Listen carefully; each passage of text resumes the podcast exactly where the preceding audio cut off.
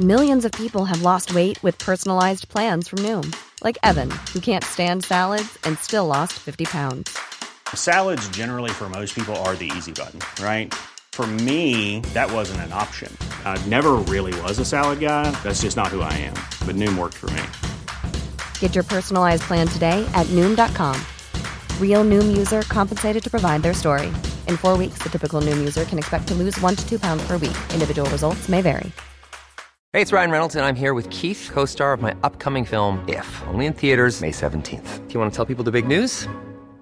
All right, I'll do. Sign up now and you'll get unlimited for $15 a month and six months of Paramount Plus Essential Plan on us. Mintmobile.com slash switch. Upfront payment of $45 equivalent to $15 per month. Unlimited over 40 gigabytes per month. Face lower speeds. Videos at 480p. Active Mint customers by 531.24 get six months of Paramount Plus Essential Plan. Auto renews after six months. Offer ends May 31st, 2024. Separate Paramount Plus registration required. Terms and conditions apply if rated PG.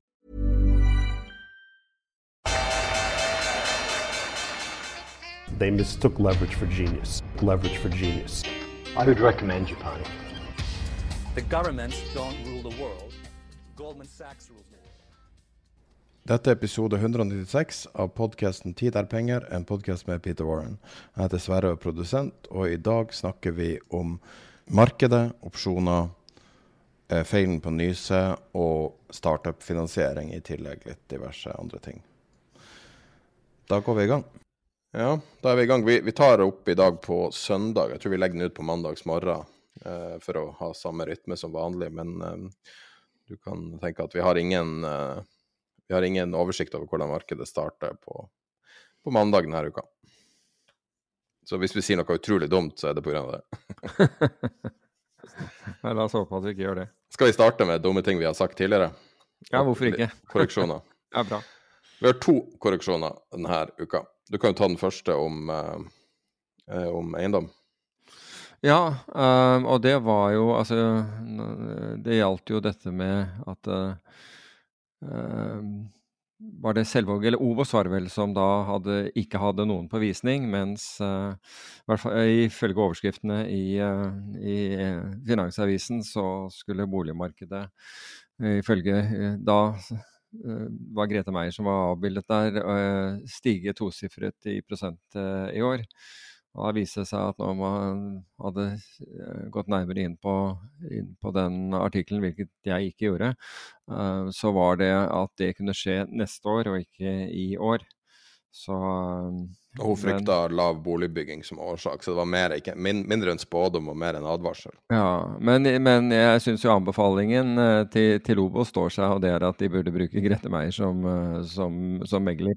Nei, altså jeg så den der, og den, det, det så jo voldsomt ut i forhold til uh, det, man, uh, det, det man opplever. Men, men jeg, altså i den for, forbindelse så syns jeg det var ganske in interessant. Jeg så her forleden dag at nedgangen i boligpriser som alle eiendomsmeglere nekter for eksisterer, forventes av de samme å bunne ut i april. Den er ganske bra. Det er litt sånn Sovjet uh, Ja, det. Ja, det, det, det er ingen nedgang, men det bunner ut i april. Ok. Da, da, da vet vi det. Du, du, får ta, du får ta nummer to, du, da. Ja. Eh, så i forrige episode, som er på Patrion, som kom ut eh, på fredag, tror jeg, så hadde vi, eh, skulle vi svare på et spørsmål som vi har fått utallige ganger, som er rundt forskjellen på profesjonell og ikke-profesjonell investor. Og i den forbindelse så, så gjør vi alltid research på sånne ting, og så gikk jeg gjennom eh, Så tenkte jeg at jeg skulle finne det her i loven, og så søkte jeg masse lovtekster og klarte ikke å finne definisjonen. Så gikk jeg på Finanstilsynets hjemmeside og tenkte at der må den stå klart. Det sto ingenting. Jeg søkte på alle mulige måter. Ordet var ikke nevnt på, på, um, på Finanstilsynets side. De hadde ikke den infoen. Um, så ringte jeg Finanstilsynet rett før vi starta, for jeg tenkte at nå må vi bare ha helt klarhet i hva det er. For vi visste jo hva det var, men vi visste ikke akkurat hvordan det var. Om det var en lov, om det var en retningslinje, hva hvordan det var. Og siden jeg ikke fant det i lovteksten, antok jeg at det ikke sto i loven. Du hadde sagt på forhånd at du trodde det sto i loven. Ja, for jeg mente, jeg mente at det, det sto i loven allerede fra, fra, fra start av, da jeg selv eh, forvaltet, at, at det var loven som, eh, som hadde det. Korrekt. Og så ringte jeg Finanstilsynet, Så, så, jeg skulle bare ha det klarhet. Jeg ville bare at hun skulle peke meg i retning på hvor det var, sånn at vi kunne si det riktige. Og da fikk vi det svaret som ble gjentatt i, i podkasten, som var at det var opp til selskapene sjøl. Det vi ga oppga som, som kriterier for profesjonell investor, var korrekt. Eh, at kunder må ha hatt eh, betydelig størrelse eh, altså betydelig størrelse trades minst ti ganger per kvartal de siste fire kvartalene, over fem millioner i formue eller finansiell formue, og, eh, eller har arbeida et år i, i uh, finansiell relevant stilling. Uh, to av de tre. Og, men det viser at det står i loven, det står i verdipapirhandelloven, som jeg ikke fant da, og det var min tabbe som researcher. Uh, men det var litt sånn overraskende at Finanstilsynet ikke visste at det sto i loven, for de kunne jo bare henvise oss til loven. ja. og, og, det de sa var sikkert ikke feil heller, fordi at hvordan definerer du betydelig størrelse på en transaksjon i et relevant marked ti ganger. Altså Det er jo mange ting vurdering der. Hvordan definerer du nøyaktig en formue på fem millioner, finansiell formue? Det er også en definisjonssak. Og hvordan definerer du eh, en relevant stilling i finansiell sektor? Alle tingene er litt vurderingssak. Så da har vi korrigert eh, feil fra tidligere. Skal vi starte på markedet siste uke? Det har vært litt action. Ja det, ja, det var jo Altså, det, det, som jeg må si altså Hvis du ser på bevegelsene, intradag-bevegelsene, så er de ganske små. Og også innenfor liksom sånne segmenter som jeg ser på, 15-minutterssegmenter og sånt, som ofte kan være eh, påvirket av store ordre og, og, og nyheter, så er, så, er det, så er, de små. De er usedvanlig eh, små, små bevegelser. Um, som får meg til å stusse, fordi på denne tiden av året så er det vanligvis ganske mye uh, bevegelse i, i, markedet. Så du går hele tiden og lurer på liksom om, om, noe skjer, og man, man, er forsiktig, ikke sant. Og, og man, man, filtrerer på, på volatilitet. Men samtidig som dette skjer, så skjer det jo ting i markedene. Det skjer ting på, på, på, de ulike aksjemarkedene som beveger seg svært forskjellig. Vi har Argentina, som vi nevnte sist gang, som er opp 26% i år. Hongkong som er opp 14 Venezuela er opp 14 Irland og Italia er opp 12% f.eks. På, på, så kort tid, og du ser bl.a. at italienske spredden, altså på tiårige statsobligasjoner, har gått inn i forhold til, til tyske, så der er det liksom, der virker som bare eh, der er det liksom sånn eh, nesten full, fest. Og så ser vi inn mer detaljert i, i liksom hovedmarkedene. USA er jo, er jo det største markedet i verden, hvor Tesla i forrige uke stiger 33% drar opp ARK. må jo si at ARK, siden de har en stor posisjon der, drar de opp 11% Uran, uh, gjennom den ETF-en for uran, går opp, går opp 7% og så ser du Oslo Børs står omtrent altså Det er et av de mest underperforming markeder. Men det gjorde veldig bra i fjor, bare så det er sagt, um, med å være opp mindre enn 1% På nedsiden så falt da uh, europeisk gass ytterligere med 24% så en fjerdedel ble ytterligere borte av, av prisen på, på, europeisk gass. Strøm, altså nordisk strøm, disse uh, Eh, eh, future-kontraktene der. altså for, for, Q2 ned 22% kull er ned 14% altså Som andre ord, du skulle vært long Tesla, short europeisk gass i, i forrige uke, så hadde du 50% avkastning på pengene dine. Det liksom, så det er jo bevegelser eh, der ute, absolutt.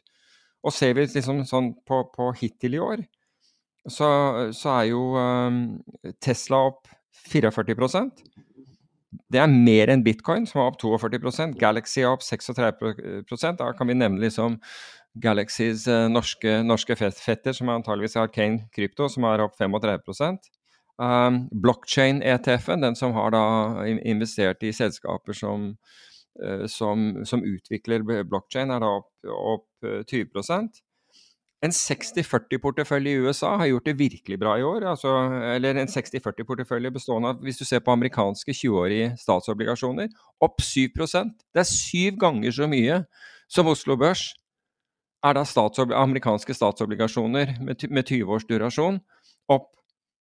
Og MSCI World er opp tilsvarende, de er også opp 7 um, Og kar karbonsertifikater, altså ETF for det, er opp 8% Så det er jo et utrolig spennende marked, syns jeg, eh, på mange måter, fordi eh, for det første så er det, ikke, er, er absolutt ikke synkront, og som gjør at det skapes uh, muligheter i ulik sektor. Og så er det heller ikke den, der, det, den type marked vi fikk da, da pengetrykkingen var. Nå nemlig se, ser du at ulike aktivaklasser beveger seg ulikt. Og det gjør jo at Mohammed El-Arian, som da var på, på Skagen-konferansen, og som vi nevnte i forbindelse med det, han, han snakket jo om at passiv investering um, at, at, Han trodde ikke at det var, det var uh, den beste strategien nå videre i, i, tiden fremover. At det må mer aktiv investering til, og det ser du nettopp på hvor, hvor ulike disse markedene er. Det skal godt gjøres, eh, og man skal være ganske dyktig for å klare å få med seg eh, eh, utviklingen. Da skal man ha ganske, et ganske bredt dashbord å, forholde seg til. For, for, å, for, å, kunne snappe opp hvor, hvor, ting foregår. Og mens man har hatt det smaleste dashbordet jeg tror i historien, omtrent bort ned til ett instrument, frem til ut 2021, så, nå, så, så, trenger man nå et, et voldsomt dashbord. Og det er interessant. Og det er, igjen skaper det muligheter.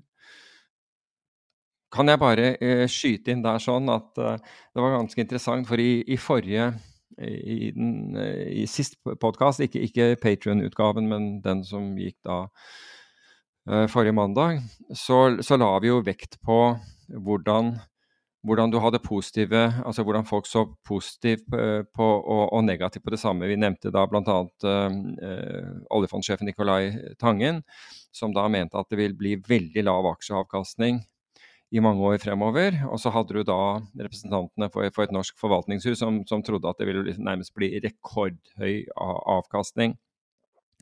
Og så snakket vi om hvordan, hvordan menneskesinnet oppfatter dette og at man heller vil høre de gode nyhetene enn de dårlige. Og Der var det da en, en lytter som umiddelbart reagerte, fordi vi, vi, tok opp både de gode og de dårlige, og syntes at vi hadde altfor mye fokus på, på, på, på, den dårlige. Hørte bare det, det, dårlige, ble, bare, altså ble helt satt ut av at, at det faktisk var noen som argumenterte, altså noen som kunne nevne at det fantes en krig i Ukraina, at uh, verdensveksten sakker av, at vi fortsatt har høy inflasjon, og at vi har høye renter og høye kostnader og får enda høyere matvarekostnader osv. Det, var, altså det skulle man helst altså, Det skulle man helst ikke ha. Og da tenker jeg jo at det er liksom sånn derre Det er forskjellen på Skal vi danse og Dagsrevyen. Og hvis du, har, hvis, du har, hvis du kun vil ha Begge de to er ganske deprimerende, men ja, det... Mulig. Mulig men, liksom, men, den ene er ment å gi deg den feel good-følelsen. Altså, mens Dagsrevyen rapporterer verden sånn som den er. Ikke nødvendigvis hele tiden, den kan være bias eh, den også, men den, den forsøker liksom å, å, holde deg orientert om, om, både ting som er bra og ting som er, eh, er dårlige er at når hjernen din er sånn at den, den slår av, altså den, den, den, går i en eller annen form for Uh, altså Tankevirksomheten din, eller det kognitive, går rett til amygdala, altså fight-flight, fordi du hører om, om, utviklingen i Ukraina, og at den eskalerer med, uh, med, med vestlige nye vestlige stridsvogner inn, men, men at, at, krigen står i fare for å eskalere i, i, uh, i, i omfang, så, så, er du helt i amygdala og blir helt satt ut. Og, og, og, det ønsker du ikke å være. Du ønsker bare å høre de gode nyhetene. Men da, altså, det, da, da er det er nytt på nytt. Og Skal vi danse og en hel haug av andre sånne Melodi Grand Prix og, og sånt noe, da, da er det det er det liksom det, det, det fora som, som man bør, eh, bør, besøke. Og det har jo du sagt også, at uh, du skal holde deg unna nyheter og sukker og alt mulig. Ja. jeg, jeg, mener at, at det ikke er en dårlig idé å skru av nyheten til tider. Altså, fordi at det forstyrrer så mye. Vi snakka jo tidligere, så før vi starta episoden, så snakka vi om eh, jeg, jeg, føler at jeg må presisere det, siden jeg sa, sa, at når jeg gikk inn i traden, eller jeg hadde vært inn i traden en stund, så, så, sa jeg jo at jeg hadde en short-posisjon i Tesla, og den har jeg lukka for en stund tilbake. Og den var moderat vellykka. Ikke, så, nærheten av så vellykka som den kunne ha vært, men den var moderat vellykka. Og da sa jeg at jeg fulgte ikke med dag til dag bildet i Tesla. Jeg er ikke noe interessert i det, for jeg har gjort opp en mening hva det er. Og, og, og det er sånn jeg syns basert på ditt råd, at kanskje investorer burde tenke også. Hvis du tar en investering, så har du gjort valget. Og så sitte der og oppdatere deg på hver eneste ting, det tror jeg skader deg mer enn at det hjelper deg. Ja, det er jeg helt enig i. Altså, hvis du har, har tatt en, en, investering som da er for pensjonen din, eller, eller hva, hva, det måtte være, så er, det, så er, det, definitivt ikke noe altså, Du har tenkt å sitte i, i, mange år i dette, så er det bare tull å sitte og se på daglige børskurser eller intradag-børskurser. Det er helt uvesentlig for deg. Det, det, kommer bare til å skade deg. Det er, ingen, det er ikke noe poeng, og, og særlig ut ifra det at vi vet, og, og studier, psykologiske studier viser, at og en, altså en, en, en nedgang f.eks. På, på 10% og en oppgang på, på 10% altså den nedgangen kommer til å, å belaste deg mer negativt emosjonelt enn gleden du vil ha ved en oppgang på, på 10% Så det er ingen hensikt å gjøre det. Det er på en måte en form for, uh, for selvpining. Det sagt så mener jeg at um, when, when, the facts change, so does my opinion. Som jeg husker en kar som het Brian Marber sa, og han siterte sikkert muligens Kanes eller et eller annet sånt, men um, og, og, og, det er jeg åpen for. Altså, du kan si at Hvis jeg ser at verden begynner å forandre seg Men det, det, det, jeg får ikke det av å lese tickertapen, for å si det på den måten. Hvis jeg ser verden begynner å forandre seg, sånn som f.eks. det skiftet vi hadde, vi hadde i, i, slutten av 2021, hvor klart signaliserer nå skal man uh, Nå slutter man å, å pumpe penger inn i finansmarkedene, og renten um, og, og, renten kommer til å gå opp, så er det klart at det er et, et fundamentalt skift som det er greit å tenke over og si at liksom, OK, kommer dette til å påvirke, og er jeg, fornøy, og er jeg helt er jeg helt grei med det, istedenfor å bare lukke øynene og, og, og, fortsette. For av og til så skjer fundamentale skift som kan påvirke markedet i mange år. Og det er ikke noe problem hvis du har 30 års sikt. Men hvis du har en veldig kort, kort tidshorisont, så kan det f.eks. hvis hvis det var kort tid til eh, du skulle få ut eh, til eh, du, du, gikk av med pensjon, så kunne du kanskje tenke deg at du, ville, at du ville redusere risikoen din for å beholde mest mulig av de pengene som du har opptjent til, til nå. Sånne ting. Eh, som et lite apropos til eh, den fantastiske starten på året du skisserer opp. Eh, 20, altså 2001 var jo også ganske bra start på året. Ja. Det endte jo ganske dårlig, det òg. Etter et hardt slutt av 2000. Sånn at Uh, man må liksom hele tida tenke at uh, de her store bevegelsene, spesielt oppbevegelsene, er ikke nødvendigvis alltid et sunnhetstegn. Det kan være at vi er i mars uh, eh, 2009 også, der det var bunnen av finanskrisa og alt er fantastisk. Mm. Men, men, jeg syns på en måte ikke at det er negativt nok nå. Hvis man først skal bunne ut, så burde det være rimelig negativt. Altså. Ja, det, det, det, tenker jeg også. Så det hadde vært tidenes altså, dyreste bunn hvis det her er bunn. Det var akkurat det jeg skulle til å si. Altså Hvis vi ser på verdsettelser, altså pris i forhold til inntjening, pris i forhold til bokførte verdier osv., så, videre, så er vi jo ikke billig. Vi er ikke kommet ned til områder som er billige i det hele tatt. Tvert imot. Vi, vi befinner oss i noen, i, i noen markeder på, på, på, veldig høye nivåer. Og det får meg til å være skeptisk av, av ikke, sant? ikke for at du ikke kan reagere mer opp og ta noen prosenter til, men at dette her skal liksom være over. Um, og da syns jeg at uh, var det Mohammed El Arian, han hadde et fantastisk, uh, hadde et fantastisk uh, sitat. som er The Fed slammed on the brakes and the economy is in the process of going through the windshield. Med andre ord, altså sentralbanken har bråbremsa, og vi er i ferd med å gå gjennom frontruta. Det er det, det, det som foregår. Um, og, og, det er ikke over med, med et øyeblikk, liksom. Når du så... først er inne på sitater, så har jeg drevet og sett intervjuer med en gammel manusforfatter som heter William Goldman. Goldman. Og han er kjent for ett sitat som, eh, om, om, filmbransjen, men jeg føler at det er overførbart. Nobody knows anything. Nei, altså det er, det, det er jo ikke Altså finans er ikke matematikk. Dessverre. Altså det er, det er mange ting i finans som, som, du kan eh, regne på, men men at det, blir ikke automatisk, altså det oppfylles ikke automatisk ved, gjennom, gjennom verdsettelser. Så det, det, er, det, er, mye emosjoner her også, for å si det på den måten. Vi kan jo touche litt borti den uh, saken mellom Adani og Hindenburg. Nå har det vært skrevet så mye om det, så jeg vet ikke om det er så viktig at vi går inn på detaljene. Det er jo, vi, vi linker til research, du kan lese alle detaljene rundt det. Kort fortalt, uh, Hindenburg, som er en sånn aktivist-shorter, som jobber lenge med å skrive research, gjør sin egen research, i dette tilfellet i to år. Eh, og så tar de en posisjon, en short-posisjon som regel, og så um, uh, publiserer de da rapporten, som da selvfølgelig prøver å påvirke prisen, men også da det, det, er viktig for dem at det er sant. Ikke sant? Så 24.1 så publiserer de en rapport som de sier How the world's third richest man is pulling the largest con in corporate history som er da en person som jeg tror veldig mange ikke har hørt om før det her. Mm.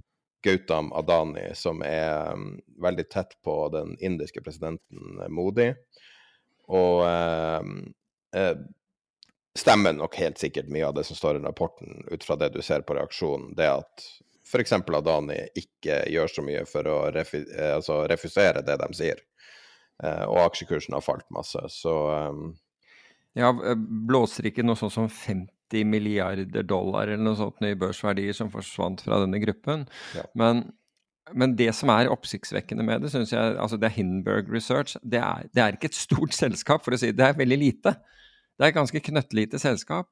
Og allikevel så har altså Det ene er at de har denne impacten de har. altså De, de har da klart å Du vet hvem de er kjent for, ikke sant?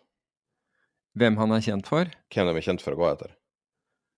Nei, hva tenker du på da? Nicola. Å ja, eh, det vet jeg. Og han er jo svindleren. Han er jo i ferd med å havne i 20 år i fengsel. Så nettopp, nettopp. de har ganske god track record. ja, ja, jeg sier ikke at de ikke har det, men allikevel det er et lite foretak her som går løs på et kjempekonglomerat. Fordi Andani er jo en gruppe, det er jo massevis av selskaper, og hevder bl.a. at de bruker de forskjellige eh, selskapene i gruppen til, til, å, til å, holde aksjeverdier oppe og, og, og, og, så videre. Og det er, altså, når du tenker på Eh, på, på, på makt og, og, altså, og, og, juridisk makt og tilgang til kompetanse, så, så, er det ikke hvem som helst som, som de har lagt seg ut med her. Altså. Og, så det er, det er ballsy å gjøre det, etter, etter, min oppfatning. og Så får vi se hva, hvor, hvor, dette her eh, bærer hen. Foreløpig så har det jo i hvert fall er, er, resultatet, men det er midlertidig muligens, et voldsomt uh, formuesfall for, uh, for uh, Adani-familien. Hva du syns om konseptet aktivist-shortselgere som publiserer rapporter? Primært er det jo Hindenburg og Muddy Waters, men det finnes jo en del av dem. Ja, Bill Ackman, Jim Chanos, det er jo mange andre.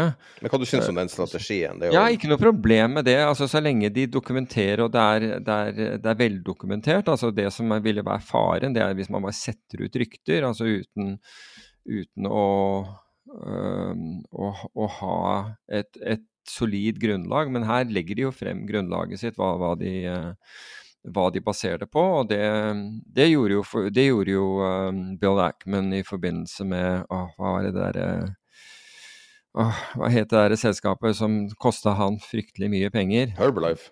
Herbalife, ja, unnskyld. Jesus. Ja, nett, nettopp Herbalife, ikke sant. Han, han, han produserte jo plenty av, eh, av, av dokumentasjon for, eh, for, sitt syn.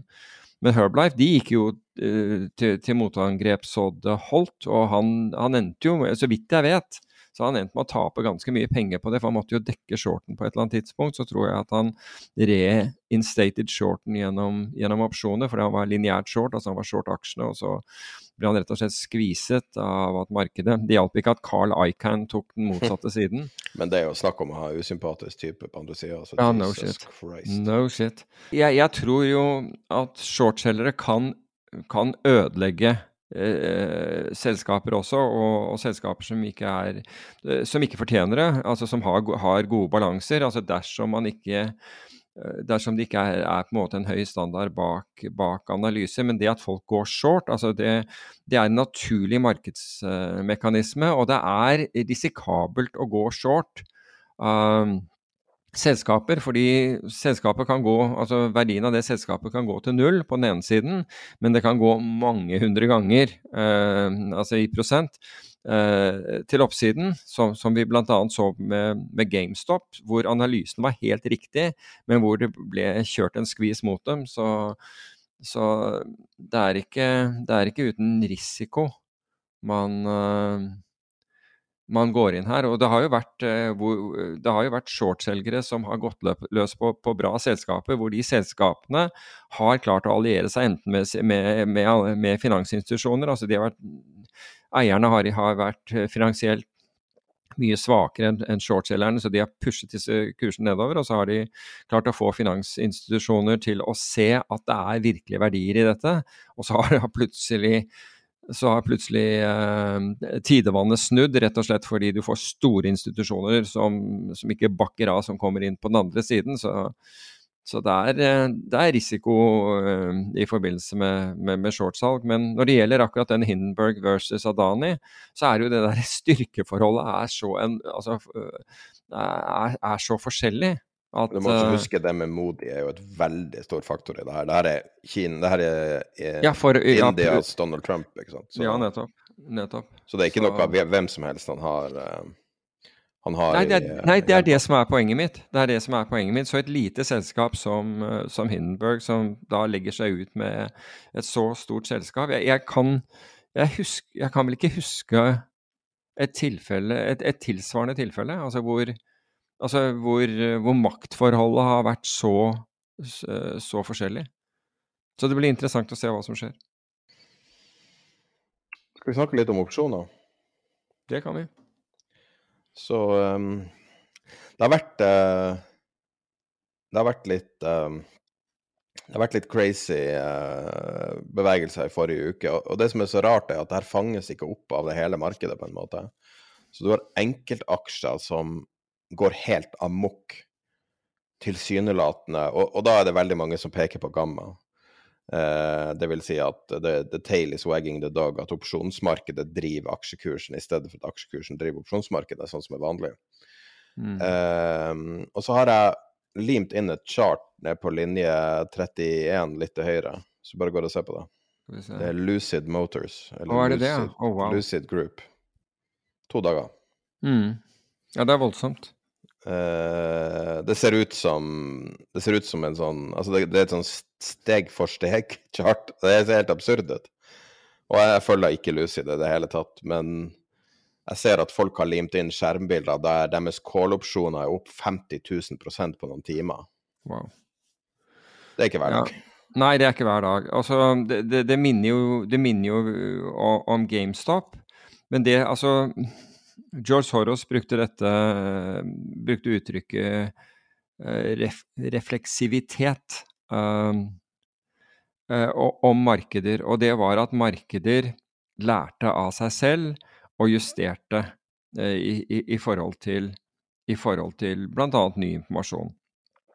Hvis du ser på GameStop, så var det en opplagt gamma squeeze, og du hadde noen andre selskaper samtidig. Og det er klart at det får da, og i den spekulasjonsbølgen som vi var inne i da GameStop fullstendig tok av, så kostet det veldig lite å hive seg på.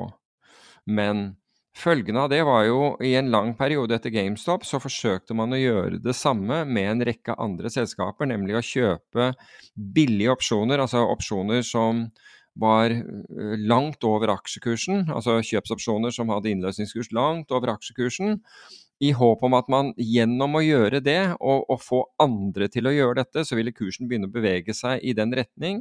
Og så ville de som, måtte, som hadde utstedt disse opsjonene, få et problem og måtte kjøpe stadig, i hvert fall hvis de var delta-nøytrale i utgangspunktet, øh, som da ofte marketmakere er, måtte da begynne å kjøpe tilbake disse opsjonene så fort som de, øh, fort som de kunne gjøre.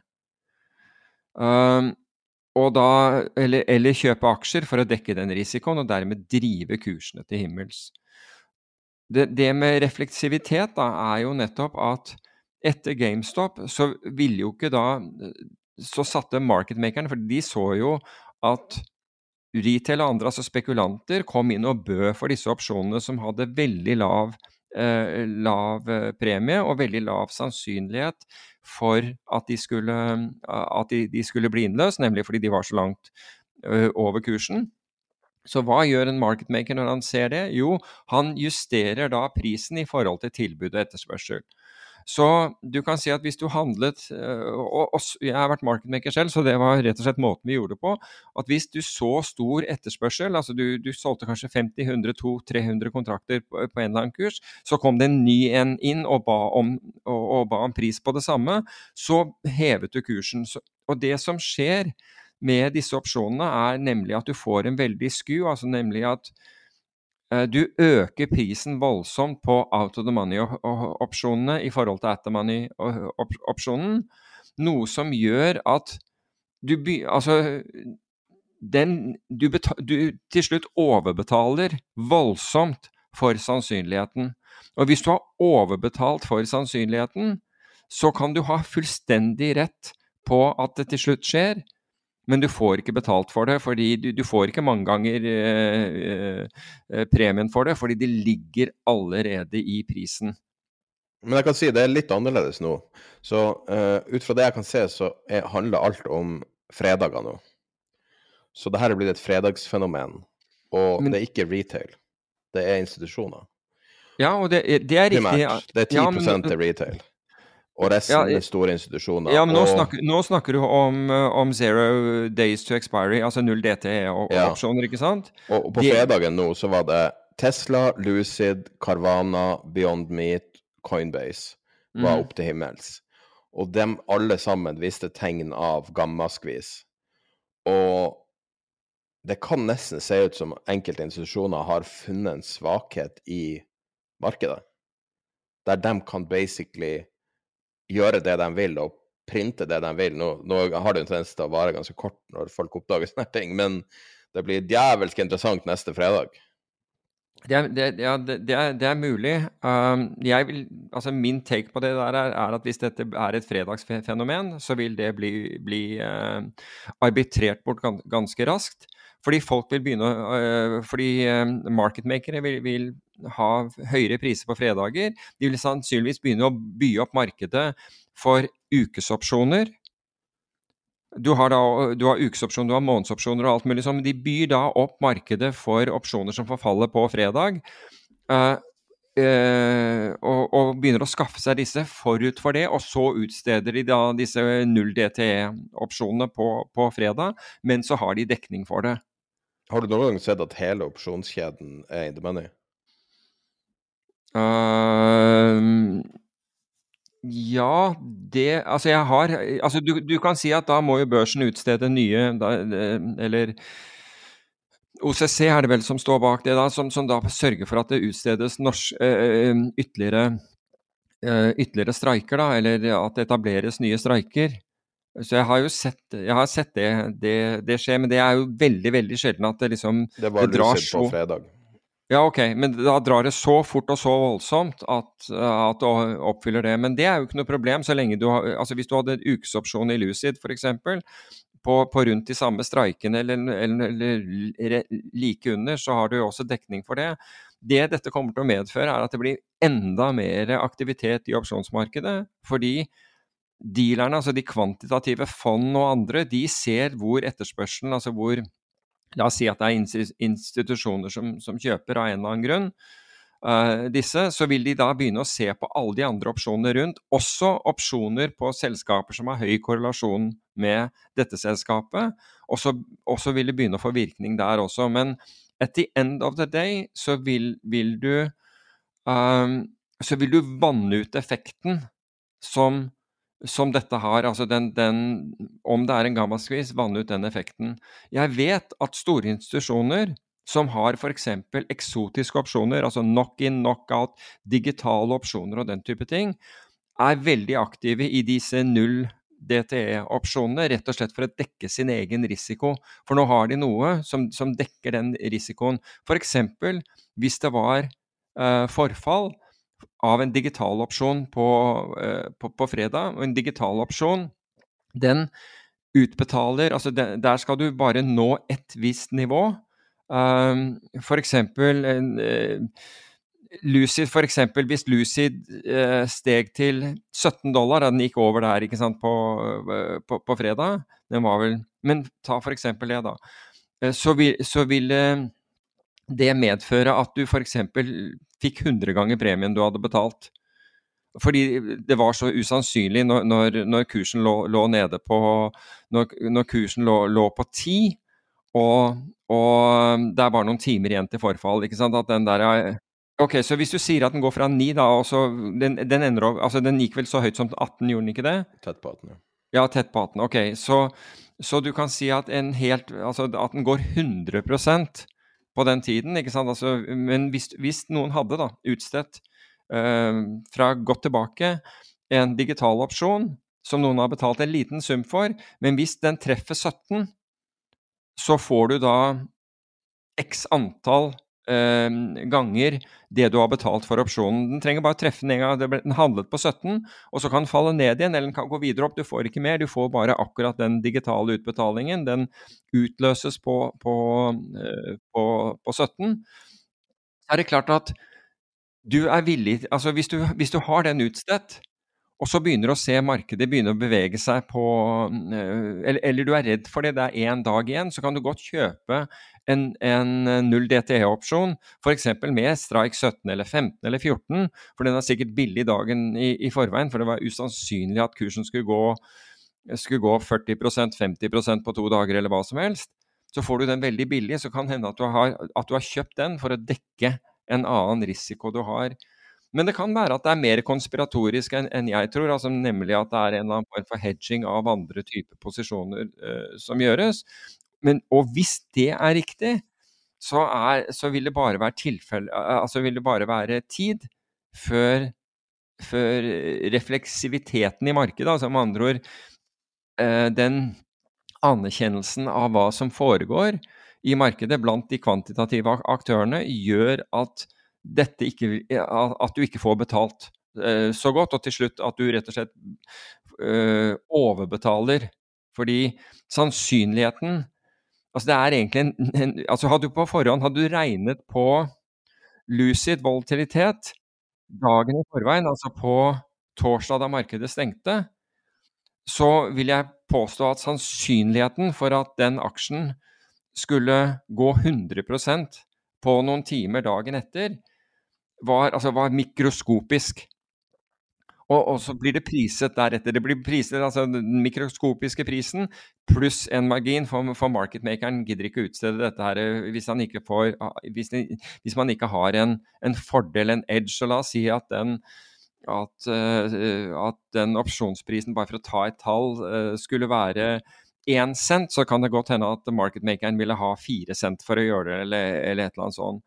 Og så blir den verdt noen dollar. ikke sant? Altså Fire cent blir en blir, blir verdt noen dollar et, et, et, øyeblikk. Da er det jo altså, Så markedet vil justere seg til det, det vil være fenomener som er som blir borte av seg selv, rett og slett. Og vi må også ettertrykkelig advare folk for å prøve å gjenta det her neste uke. Altså, ja, ja, ja. Altså, det her er virkelig måten å tape penger på, å begynne å hive seg på en sånn her trend. Du kan klare det. Det går an å få det her til én gang på Ja, men altså, da hadde jeg heller jeg må innrømme da det heller altså For det første så vet du ikke hvor dette treffer. Ikke sant? Nå traff det Lucid og Tesla og noen andre som du, du nevnte. Du vet ikke hvor neste gang eh, dette, dette, treffer. Det kan hende at det prøver å treffe Jeg skal garantere deg at de, disse selskapene her kommer til å ha en vesentlig høyere opsjonsprising eh, i, i, uken som kommer, og spesielt neste fredag, for, bare ut ifra refleksivitet.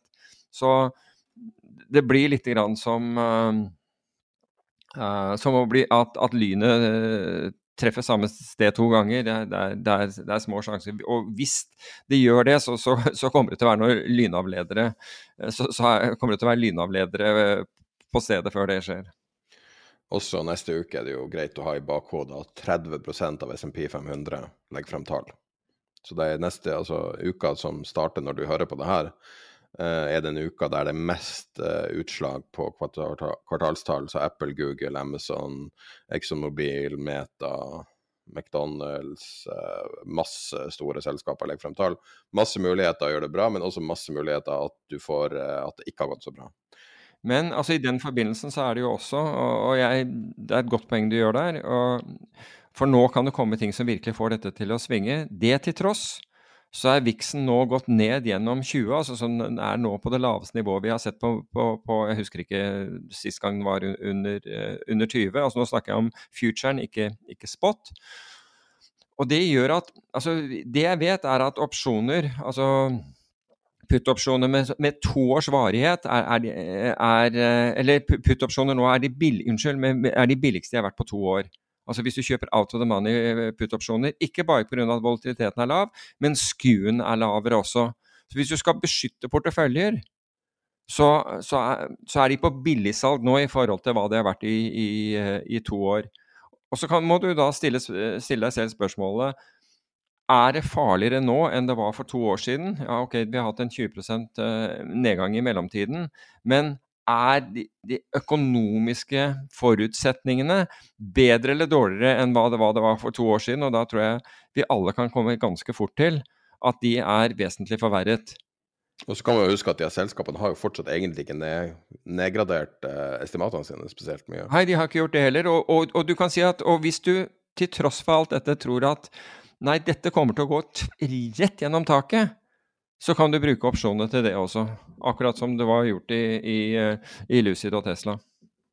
Men hva er kanskje greit å ha en opsjon som ikke forfaller samme dagen? Ja, det er jeg helt enig i. Altså, Men da kan du bli rik over natta, det kan du også bli. Ja, altså, så null DTE-opsjoner, eh, ja, absolutt. Det kan du bli av lottogevinst også. Men med, med unntak av, av eh, institusjoner som ikke vanligvis er de som driver og går og kjøper lodd, men det kan hende at de, de setter av noe penger til, til, å gjøre det. Så er det jo vanligvis uh, retail-kunder som, som, gjør Eller litt sånn spekulanter som, som, går og gjør det. Og du kan, du kan, ha, du kan ha flaks. Men som jeg sier, at det er refleksivitet. Markedet kommer altså Det er mulig at de ikke gjør det fullt nå den første, første uken, men markedet kommer til å begynne å prise inn uh, disse utfallene og, og gjøre det. Og, og, det betyr at sannsynligheten din for i hvert fall å gjøre det stort, er redusert.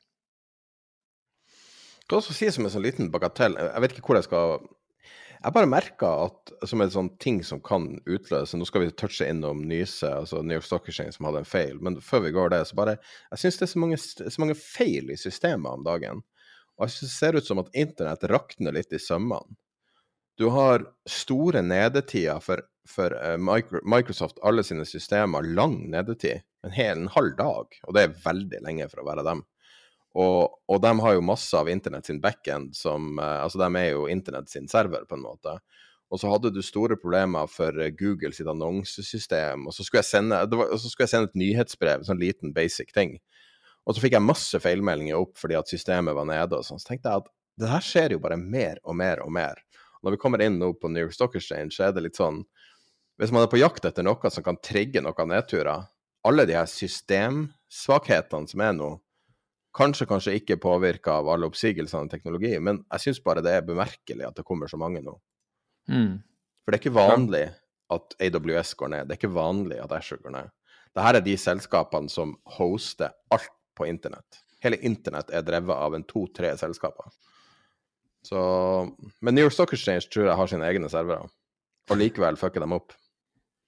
De har, sine egne, ja, har sine egne servere i et antall uh, datasentre fra Madvan, New Jersey, til, i hvert fall til Chicago. Og nå var det en fuck-up i, uh, i Chicago-datasenteret, og som da var vis, uh, menneskelig svikt gjort av én person. Du oppfattet det da, da det skjedde.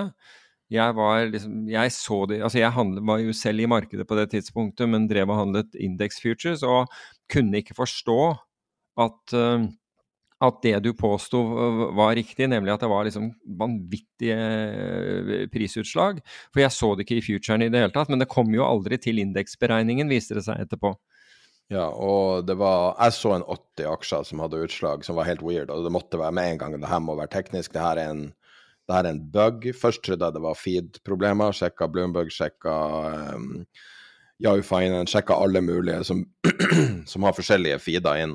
For det er ikke uvanlig at uh, det er problemer med en, en datafeed. Og da er det ofte én som har et problem, og så har du et stort utslag. Men det var liksom alle de store av de forskjellige, um, også på Bloomberg-terminalen, og der har de nesten aldri feil. Så, um, og så viste det seg at det var 4341 trader i 251 tikkere som nå skal vurderes om skal bli busta, sletta eller, uh, eller Altså busta eller kansellert.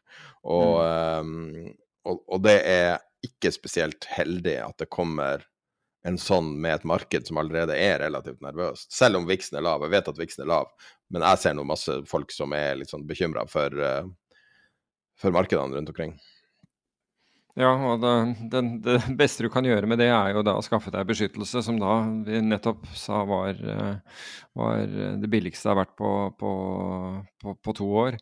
Men det er jo, jeg er helt enig, det er, er skummelt. Er, men det er jo ikke altså, I seg sjøl er ikke dette et problem. ikke sant? Det her lagde jo, ødela jo ikke noe. Nei, de, de, gjorde jo det, da, fordi Ødela troverdighet, kanskje?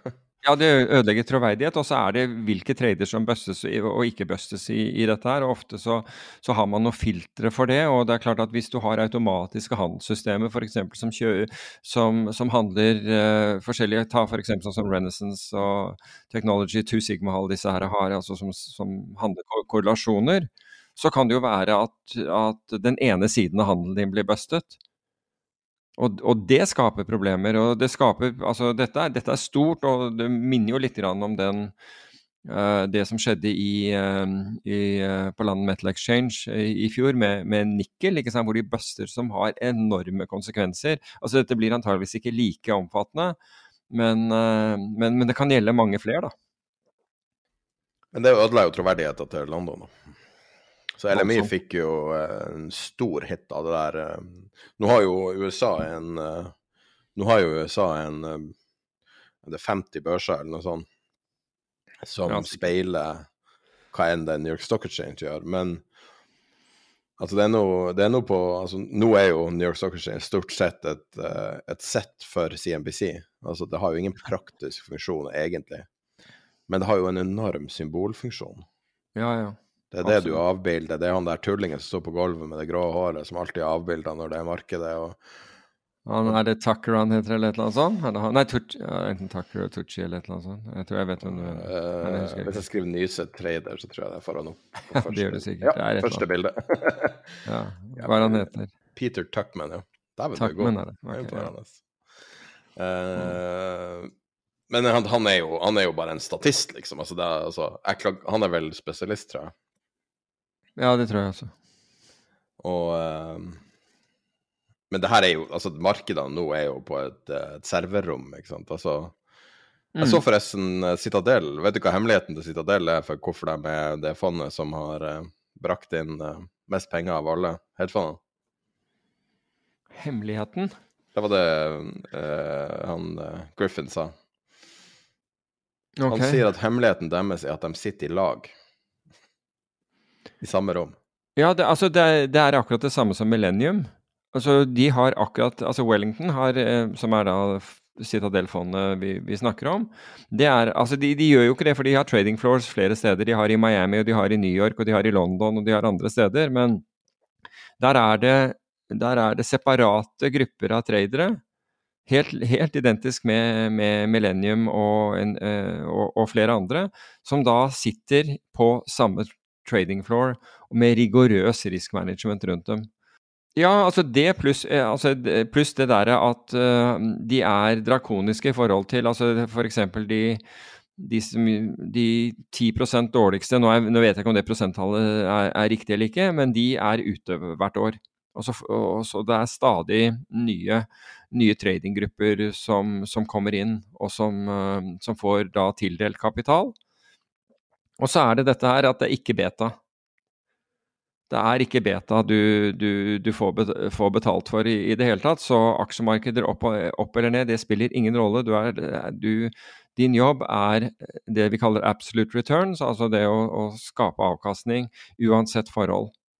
Du får ikke betalt for, for, for, beta, og er du avhengig av beta, så vil du aldri bli, bli, eh, bli ansatt.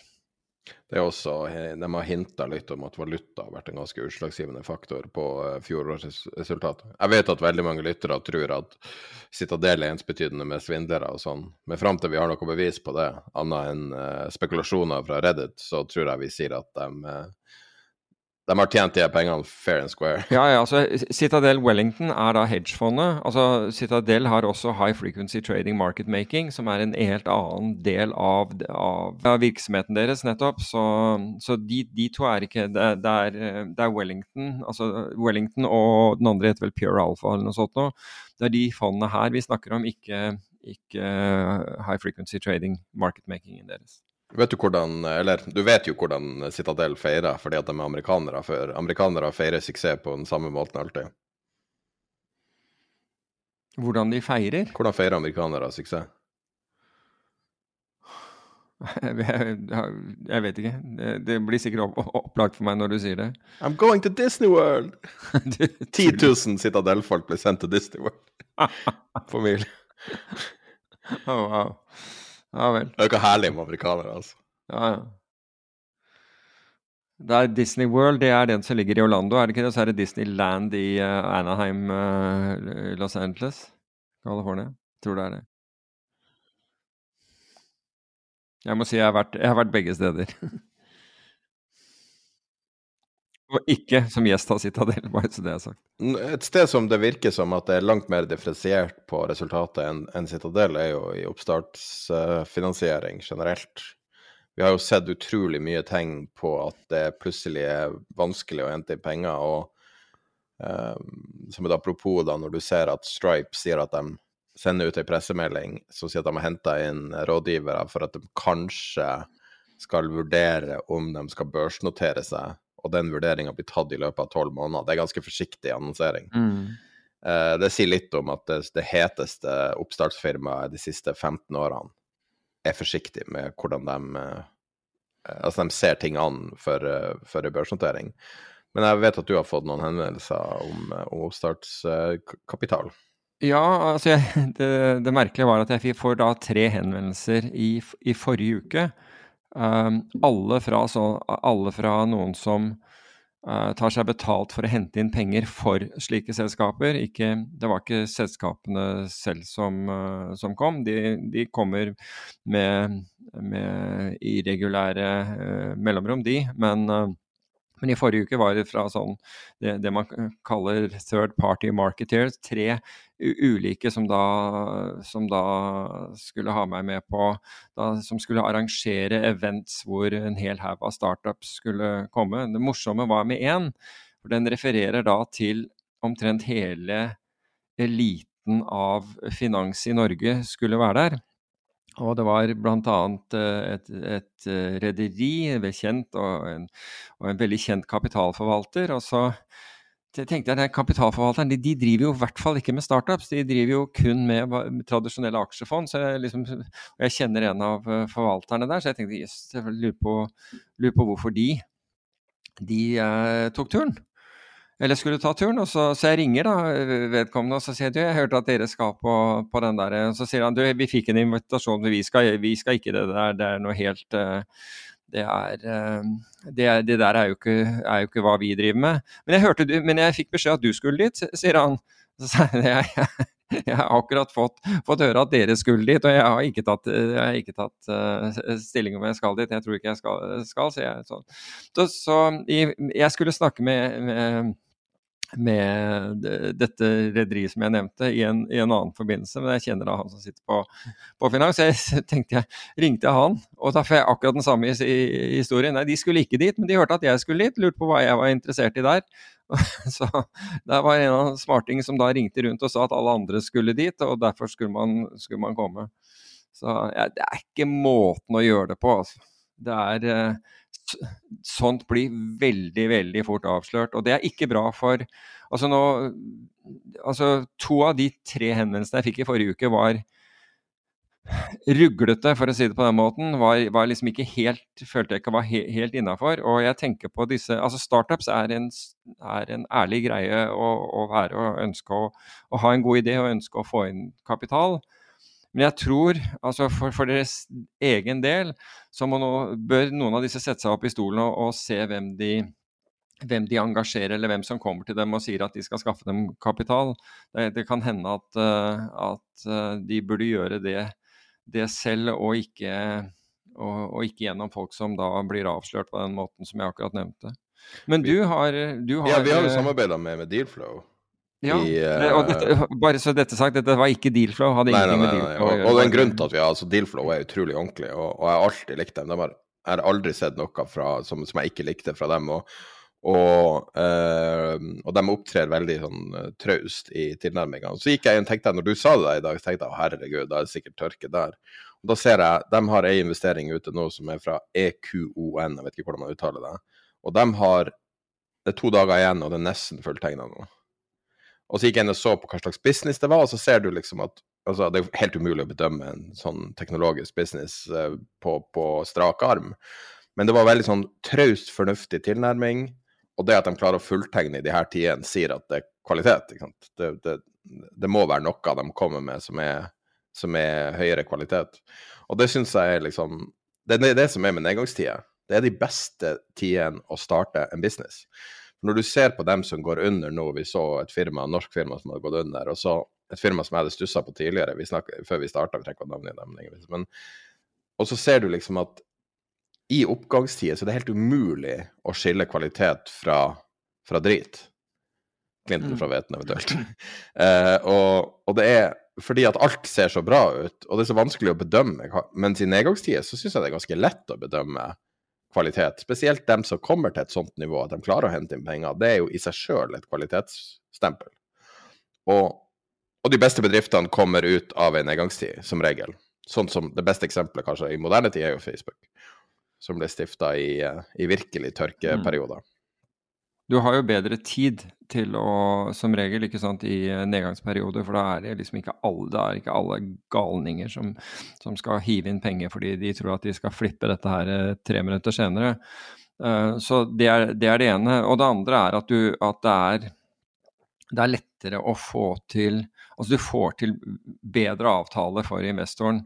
Og avtale avtaler kan være sånn altså Du vet jo at disse, disse selskapene har jo da vyer om hvor mye de skal hvor, altså hvor lønnsomme de skal bli osv. Og, så og da går det an å, å, å justere, he, altså justere, en avtale i forhold til det, og sier at liksom greit, jeg hører hva du sier, og hvis du leverer det, så er jeg, så er jeg happy med denne uh, prisingen. Um, den, den, er helt grei. Men hvis det viser seg at du ikke leverer dette, så, uh, så vil jeg ha, ha, en del av aksjene tilbake. Med andre ord, da, da, får du ikke, da får jeg en, en, en lavere pris. Så, vi, så, du kan ansvarliggjøre da de fantastiske vyene, ikke sant, for alle skal av en eller annen grunn klare å, å kapre 5-10 eller 20% av et marked innen noen, noen, få år. ikke sant? Og det markedet kan jo være Kina, for alt du vet. ikke sant? Og teller opp da at å, 300 millioner mennesker der, og så skal jeg ha 20% av det. Og, ikke sant? Altså sånne helt ville regnestykker. Men altså, i, i, perioder som nå, så, så, kan man gjøre ting mye mer edruelig. Um, gjøre avtalene mye mer edruelig, og det vil også få da det vil også få da gründerne bak selskapet til å tenke seg godt om før de liksom overdriver eh, potensialet voldsomt. Hvis det da viser seg at man ikke klarer det, så, kan, så, så kanskje de ender opp med halvparten av eh, så mange aksjer som de, eh, som de så for, for seg at de, at de, ville sitte med. Så, og dette er bare rett og slett gjøre dette altså slik at det blir en, en eh, tilregnelighet for, for, investoren, og ansvarliggjør samtidig uh, gründerne bak selskapet. Så det, det, noe, det, trenger ikke å ligge noe dramatikk i det, det er bare at man blir da enige om noen kriterier i forhold til, i forhold til den prisingen som man, man ønsker, eh, at, ønsker, å oppnå. Det er litt sånn tragisk det som skjer i tech også nå, for jeg føler at hele verden har blitt lurt til å tro at, vi, at ting var mye mer high-tech enn det var. Microsoft siste uke har jo sagt opp hele AR-teamet sitt, altså Augmented Reality. Og de har kommet lengst av alle. Oh. Eh, det snakkes om at uh, Apple har endra sin strategi. Det er jo det, altså, det vi har snakka om som kunne være en sånn oppfølger av mobilen i, i størrelsesorden. Og det virker å være skrota hos alle nå. Og uh, Microsoft har også tilsynelatende mista en kontrakt med militæret, eller i ferd med å miste en stor kontrakt med militæret fordi at, at teknologien ikke er bra nok. Og så ser du at uh, hos Google så har de tilsynelatende sagt opp hele det som er deres interne R&D eh, på en måte et slags R&D-team, altså Research and Development, men det som heter Area 120 hos dem. Eh, så, og det er deres interne testing av nye produkter. Eh, en videreutvikling av de tingene som skapte Google Maps og Google Mail, nei, Gmail og alt mulig. Uh, og nå kaller de det Area 120, og nå er det bare tre prosjekter igjen der. Og det er veldig sånn uinspirerte, enkle prosjekter, egentlig. Så Um, det er det er helt tydelig at de store kjenner på presset nå. Og du må også huske at sånn som Google og, og, Facebook virker jo helt untouchable. Men husker du den bloggen jeg skrev for et års tid siden? Om at uh, alle de selskapene har jo andre teknologiselskaper som sine største kunder. Mm, mm. Hvem er det som kjøper mest Google-annonser?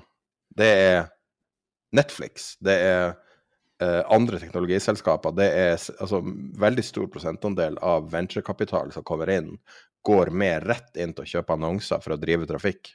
Såkalt dark traffic. Aha. Og sånn at hele dette greiene her er litt i fare, hele økosystemet. Og det at Google er så skvetten nå, det gjør meg nervøs. Fordi at Google, hvis det er noen som minter penger, så er det jo Google og Facebook fortsatt. Mm. Altså én ting de har nok av, er cash. Og når de prøver å spare på likviditeten, så er det Mm. Men alt endrer seg når kapital har en kost. Det gjør det. Og det høyere kost, det, det, det mer restriktivt blir det. Så um, det kommer ikke til å være enkelt fremover, men de neste suksessene kommer nok til å komme ut av, av den perioden vi ser nå. De neste store suksessene, vil jeg tro. Ja, det er jeg enig i. Absolutt. Skal vi snakke litt mer om uh, robotsaken, Ja. som vi har vært innom noen ganger de siste årene? Ja, Uh, mye fordi jeg var ekspertvitne i, uh, i det norske. Og, men det var, en, uh, det var jo en av advokatene som sa at jeg burde ha det, fordi den gikk jo til Høyesterett. Og det er veldig, veldig sjelden at Høyesterett har vitner. Men jeg vitnet da i, i Høyesterett, og han sa at det er så sjelden at, du- at det burde du ha på visittkortet ditt. Ja, ja, han sa det, men, men jeg har ikke gjort det, bare så det er sagt. Men nå, er, nå har det tatt en ny ny vending, fordi en tilsvarende sak var oppe i amerikansk høyesterett og ble avvist av amerikansk høyesterett. Og dette var to Deutsche Bank-tradere som spoofet, altså la inn ordre som, eh, som de ikke hadde til hensikt å handle på for å dytte markedet i motsatt retning. Altså for at de skulle få opp Rett og slett, altså de la inn salgsordre når de egentlig var var, eh, var kjøpere, og vice versa. Og de ble da dømt i retten, og så uh, anket de det og ble dømt igjen, og så anket de det da til den amerikanske høyesterett, som da forkastet anken. Og det interessante uh, med dette er at hvis du ser på den norske Altså de, de norske ble, de to det gjaldt i Norge, de ble frifunnet fordi advokaten, eh, eller de hadde jo hver sin advokat, men i hvert fall jeg husker de anførte at de hadde eh, De manipulerte ikke markedet fordi de la inn ordre eh, i systemet som kunne bli handlet på. Og dermed så var det som en hvilken som helst annen, annen aktør i markedet. De hadde risiko, og det kunne gått den andre veien. Og det var det som også Høyesterett i, i Norge la, la vekt på. Um, jeg husker at Hasse Koss, som, da, uh, som da var uh, statsadvokat for, for påtalemyndigheten altså i, i Økokrim, han, han var helt av en, av en annen oppfatning, og, og han mente at, at dette var feil. Og det er faktisk Hasse Koss sin vurdering av dette som Hans, Hans Olav Koss, eh, som, eh, som da Høyesterett i USA har, har, har landet på. Fordi de sier i, i, i sin dom at hvis intensjonen din var å ikke handle på den kursen, så er det manipulasjon. Så det at du legger inn en salgskurs for at du egentlig skal kjøpe, hvis du klarer å, bevise at det var intensjonen med den salgskursen, selv om den lå i markedet, og selv om den kunne handles på, og selv om du da eh, ville få den motsatte posisjonen av det du ønsket, så er ikke det nok. Så intensjon betyr noe. Så intensjonen din var å kjøpe, og du la inn en, presse, en stor salgsordre for å presse markedet ned der, det er det er, eh, det er et, et brudd på, eh, på ja, verdipapirhandellov eller, eller, eller, loven, anses som et brudd på loven, og du skal dømmes til det. Konsekvensen av dette her er at uh, disse to traderne, dette skjedde i gull og sølv, hvis jeg ikke nevnte det, den ene er dømt til 12 måneders fengsel, og den andre til 18 måneders fengsel, som de da nå må sone uh, pga. det. Så det er, det er interessant Altså den, den, forskjellen som nå altså Dette har jo ingenting å si for den norske dommen overhodet. Den, den, er rettskraftig, og det er bak oss. Men når, et, når verdens største aksjemarked øh, har en ruling sånn som denne her, så vil andre også sette seg opp i stolen og, og se. Øh, og, og det kan veldig fort bli bli, bli, førende for hvordan man ser på ting andre steder. Et annet eksempel også, altså, som er nesten uforklarlig at vedkommende ble dømt for, det var jo the flash crash i, eh, i, eh, i 2010, altså i, i, USA, hvor denne eh, engelske Han var av indisk opprinnelse, denne, denne traderen. Han hadde jo faktisk slått av maskinen og gått ned for å spise middag med foreldrene. Han bodde hjemme hos foreldrene sine. Um, og var ikke på engang, og han, var ned, og han ble dømt.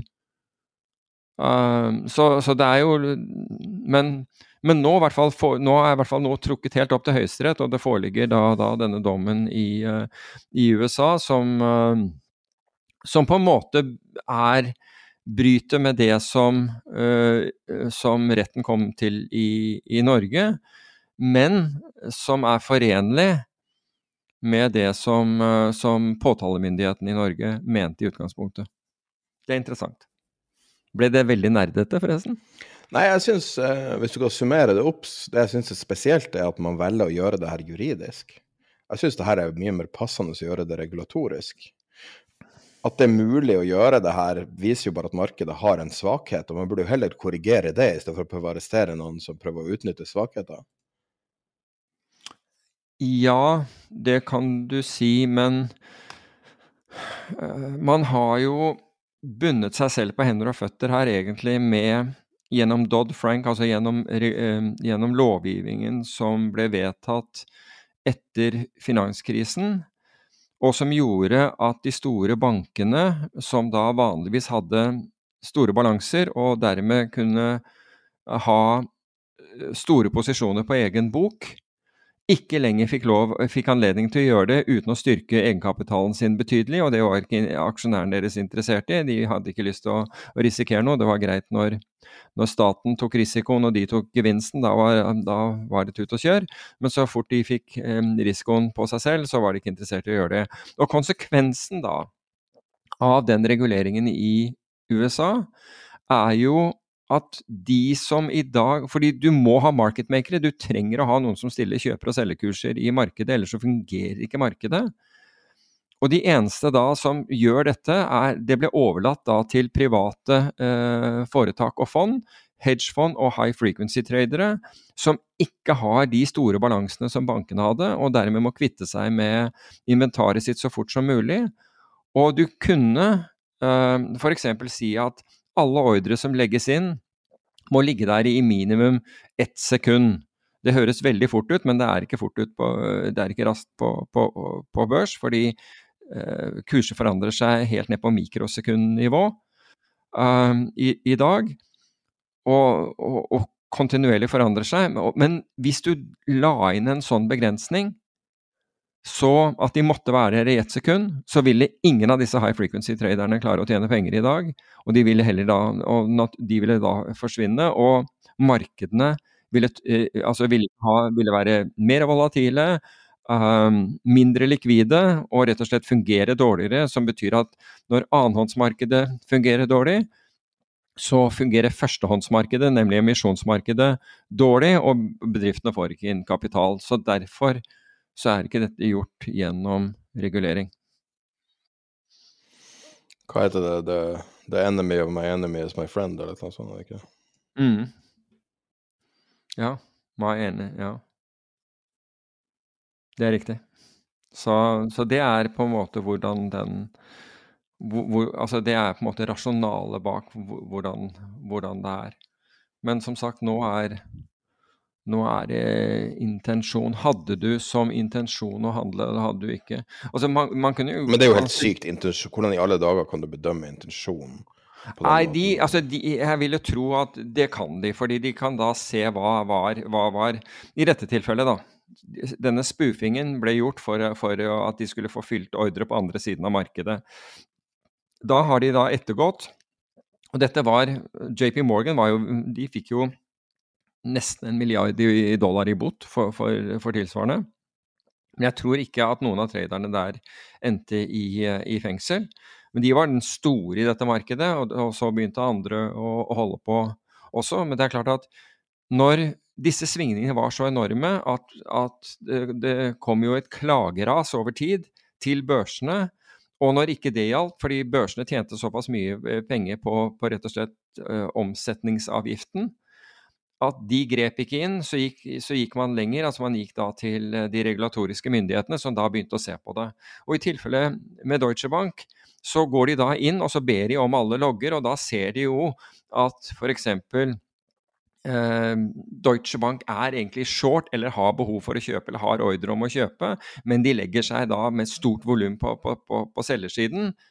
Mens og, og markedet ned, og, og, så, og, så, kjøper de på, på, på, den lavere kursen. Så det er ikke slik at det er spekulert på hva, hva, de, hva, som, hva som, var intensjonen og, og, hva som faktisk foregikk. Dette ble, dette ble dok, dokumentert i lavere res, rettsinstanser, nøyaktig handelsforløp og anatomien i disse, disse handlene. Så de hadde et godt grunnlag for for i hvert fall å fatte beslutning på, da, og vite at disse tradene var spoofer, altså med andre ord um, Eller disse, disse ordrene var spoofer, med andre ord ordre som er lagt inn for å drive prisen um, i, i, en, i, en, viss retning, fordi du ville få økonomisk fordel av det. For øvrig, Det samme var robotsaken i, i Norge. altså Man oppdaget da at en marketmaker-robot var, den var så enkel at, de, at, to stykker fant da ut hvor på den ene var en BI-student. Uh, fant da ut at hvis du gjorde sånn, så gjorde den sånn, og gjorde du sånn, så gjorde den sånn. Uh, og, og, og, utnyttet da, da, det. altså Visste da at hvis jeg byr der, byr der, byr der, så får jeg solgt der. Rett og slett. Um, så det, det, var, det, var, egentlig akkurat det, samme, bare at det var veldig mye enklere det som ble, ble gjort her i, i, landet. Det ble ikke gjort gjennom uh, Eh, ved, ved, ved, maskiner. Altså det var en market maker-maskin som tilhørte Timber Hill eh, på den ene siden, mens eh, det var manuelle, to manuelle tradere på den andre. Er du tom for tema, du? Jeg er ja. litt tom for tema. Ja, men jeg syns det er vel greit. Vi har vel holdt på i snart en time og et kvarter eller et eller annet sånt, og det, det er greit. Da får du ha god tur til Miami. Takker. Du må komme tilbake med masse um, anekdoter og, og, juice fra hva som skjer, uh, hva som skjer i USA. Jeg har 20 møter med, med ulike, ulike, forvaltere og tradere uh, som, som, er, satt opp, og det blir sikkert en del til i forbindelse med middager og lunsjer og alt det der som foregår der. Nei, men uh, da er vi tilbake om ei uke, og det var det. Ha en fin uke. Ha det bra. Her er et lite utdrag fra forrige ukes Patron-episode med seriegründer, intervju med seriegründer Gard Michaelsen. Betalingsmur og brukerbetaling er noe som alle må forholde seg til. Eh, eh, fordi at det er, det er, fordi at det er nødvendig for å finansiere journalistikken. Eh, med noen få, altså med mindre du heter NRK, og du kunne snakka en time om det også, men, men med mindre du er NRK, og, og, og med, med, unntak av de aller største reklamefinansierte, altså TV 2, TV 2 VG, Dagbladet kan leve godt på reklame, men de også er jo skrikende avhengig av brukerbetaling. Og, og ja, er de det?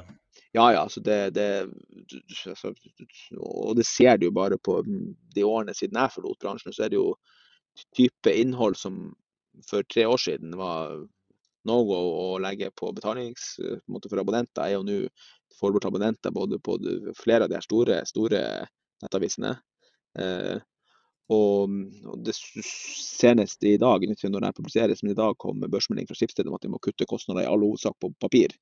Eh, og, og, jeg tror kanskje at Vi har jo snakka å kutte en halv milliard, men det handler vel mest om all hovedsak om organisering og print, tror jeg.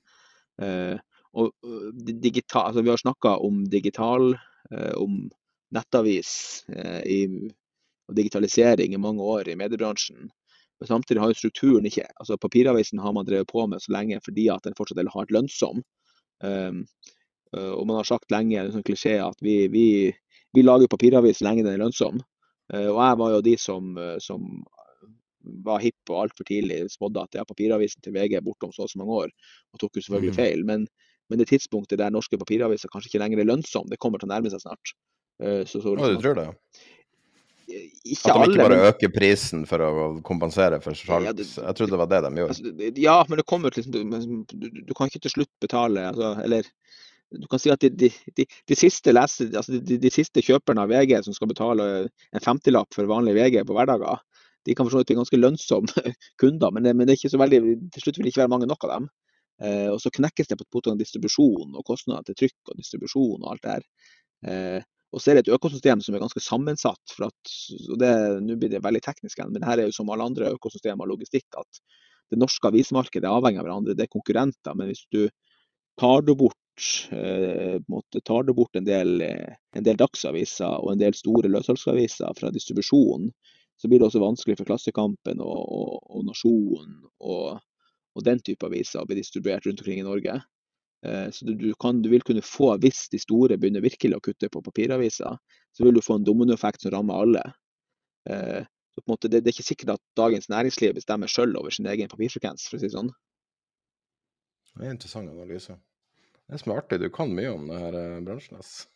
Og det er det som er så artig. Altså, det, det, altså Vår podkast er jo kunnskap, altså det er det vi søker hele tida. Vi vil bare lære noe. Ja, og det er jo sånn, på en måte, og, det er jo sånn, måte, Medieøkonomien er kompleks. altså eh, på en måte Papiravisen til VG er, om det er i dag altså, sånn, i hvert fall, Nå kjenner jo ikke jeg, nå følger jeg ikke medieøkonomien lenger, så jeg må innrømme at min kunnskap er jo mange måneder et par år gammel. For jeg har fått litt ut av det og følger bare med halvt øye. Men altså, papiravisen til VG var jo lenge eh, på mange måter mer lønnsom nå enn det var eh, altså Ikke i total omsetning, men, men hver avis. altså det betyr mer for VG i dag å selge 10 000 ekstra enn det gjorde for 20 eh, år siden.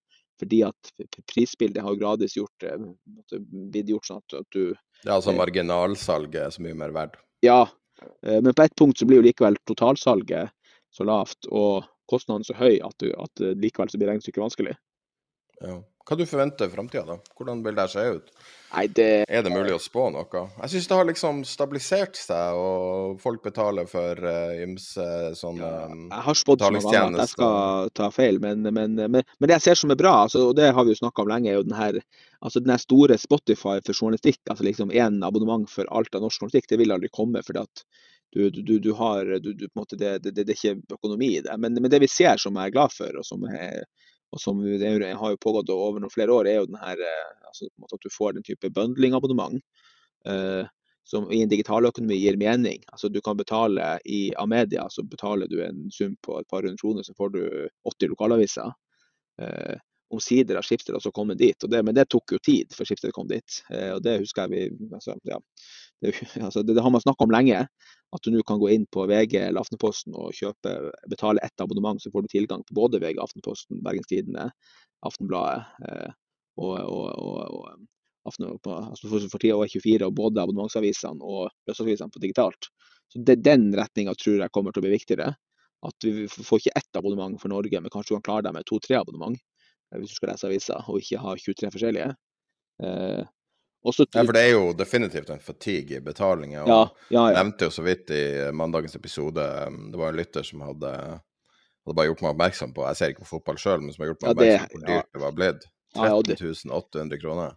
Ja, og det er også en sånn greie at du tar en pris bare for et par måneder siden, så skal du øke den nå. Det er, det er, da føler man seg lurt. Uh, og, og, Men det markedet må jo knekke snart, for der ser jeg så negativitet at, at uh, Og der er det jo reelle muligheter for å erstatte det med, med pub eller ulovlige hendelser, Ja, ulovlige ja, det er klart, ikke sant? Sånn at Men betalingsviljen for at du har lyst til å se fotball, du har lyst til å se kampen og ikke lyst til å sitte og se på en eller annen hakka strøm, det, den er ganske høy. Men der også er det jo er, det- ja, det, vi, vi- 13 000. kommer, Jeg har ikke lyst til å vite hvor mye jeg betaler for det, men, eh, men, eh, altså, der, men der også kommer det litt sånn type bundling-muligheter. Altså, sånn, Selv har jeg jo samla sammen alle sånn TV-abonnement på det her stream.no. Liksom Jeg betaler ett sted, og der, gjennom det får jeg Viaplay og TV 2 og, og, og NRK og, HBO med, på en måte med én regning. Så liksom at det går i retning av forskjellige former for bundling, tror jeg er viktig. Ja, det Eh, sikkert rett. og så Nei, jeg bare lurer på om folk er i stand til å betale for alle de her tingene her. Det er er det jeg må- mener. altså, ja. Ikke bare media, men alt mulig. Jeg må, må prioritere, definitivt. Uh, og jeg hadde en sånn uh, Jeg skal ikke si jeg har vært god på det, men jeg kutta ut Netflix. Det var sånn, det jeg hadde i første, det tror jeg hadde i sånn ti, ti år eh, sammenhengende, men kutta det ut i fjor når jeg gikk en runde med å samle abonnementene mine. Tenkte, okay, Jeg tror jeg bare har HBO nå, og det får Ja. jeg gjennom TV-abonnementet. ja, det er noe sånt at man kan jo ikke ha alt, eh, mindre man jobber med det, eller mindre man har veldig god råd. Så er det spørsmålet hva som skjer i eh, mediebransjen. så klart at det, det at eh, Og jeg skal ikke si spå når det skjer, eh, for det har jeg tatt feil om så mange ganger før. Men at det på et eller annet tidspunkt eh, kommer til å bli en kraftigere endring av papirfrekvens eh, og hvor mange papiraviser vi har og hvor ofte det kommer ut, det kommer til å skje. Eh, og, det er litt sånn som at eh, det, det ja, det er litt som Skal ikke bruke sånn krigsmetafor, men det er litt som en krig. At du, du vet ikke helt når det skjer, men når det skjer, så kommer det til å utløse en rekke av eventer.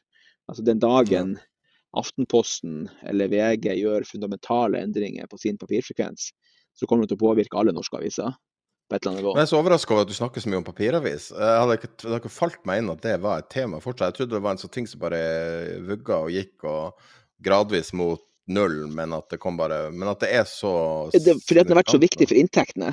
Eh, de- Har det virkelig det? Ja, ja. Det, de papirkundene har vært så viktig for lønnsomheten. Så har jo Jeg husker jeg kjente en kar som Ja. jobba i den der eh, ene dealen, jeg trenger ikke å si La oss bare si et, en avis, en som en M&A-kar, og han sa at eh, en stor norsk avis får prissatt til null på papir, og det er mange år siden. Ja, det det er nok uh, riktig. Altså, sånn, det- for det er jo ikke vekst. Altså i, i Ja. dealen. Ja, ja. Det er riktig. Altså, det, det er jo ikke vekst i papirmarkedet. Uh, så det er jo på en måte det er jo, det er jo peak, peak oil. Jeg vet ikke om man kan snakke om peak oil heller, men det, altså, det er jo på en måte peak papir kommer jo. Eh, men, men det er olje vi lever av, og det er papir vi lever av. Så, så det er noen muligens en søkt fellesnevner her, men, men det, det er jo på en måte papiravisen har finansiert den digitale overgangen. Eh, og den er er litt sånn vanskelig å se, men klart at de som går og kjøper VG på løssalg, de finansierer jo vg.no. Eh, men sies, altså vg.no er, er lønnsom eh, i, i seg sjøl. Altså VG, Ja. og, og VG er vel omtrent den eneste lønnsomme, blant de få lønnsomme i hele digitale Tuller du? det? Nei, nei, nå nå jeg. Altså det, DN må nå være lønnsomt. eh, Finansavisen må nå være lønnsom, er ikke det? ja, Finansavisen tror jeg ikke er lønnsom uten papiravisen.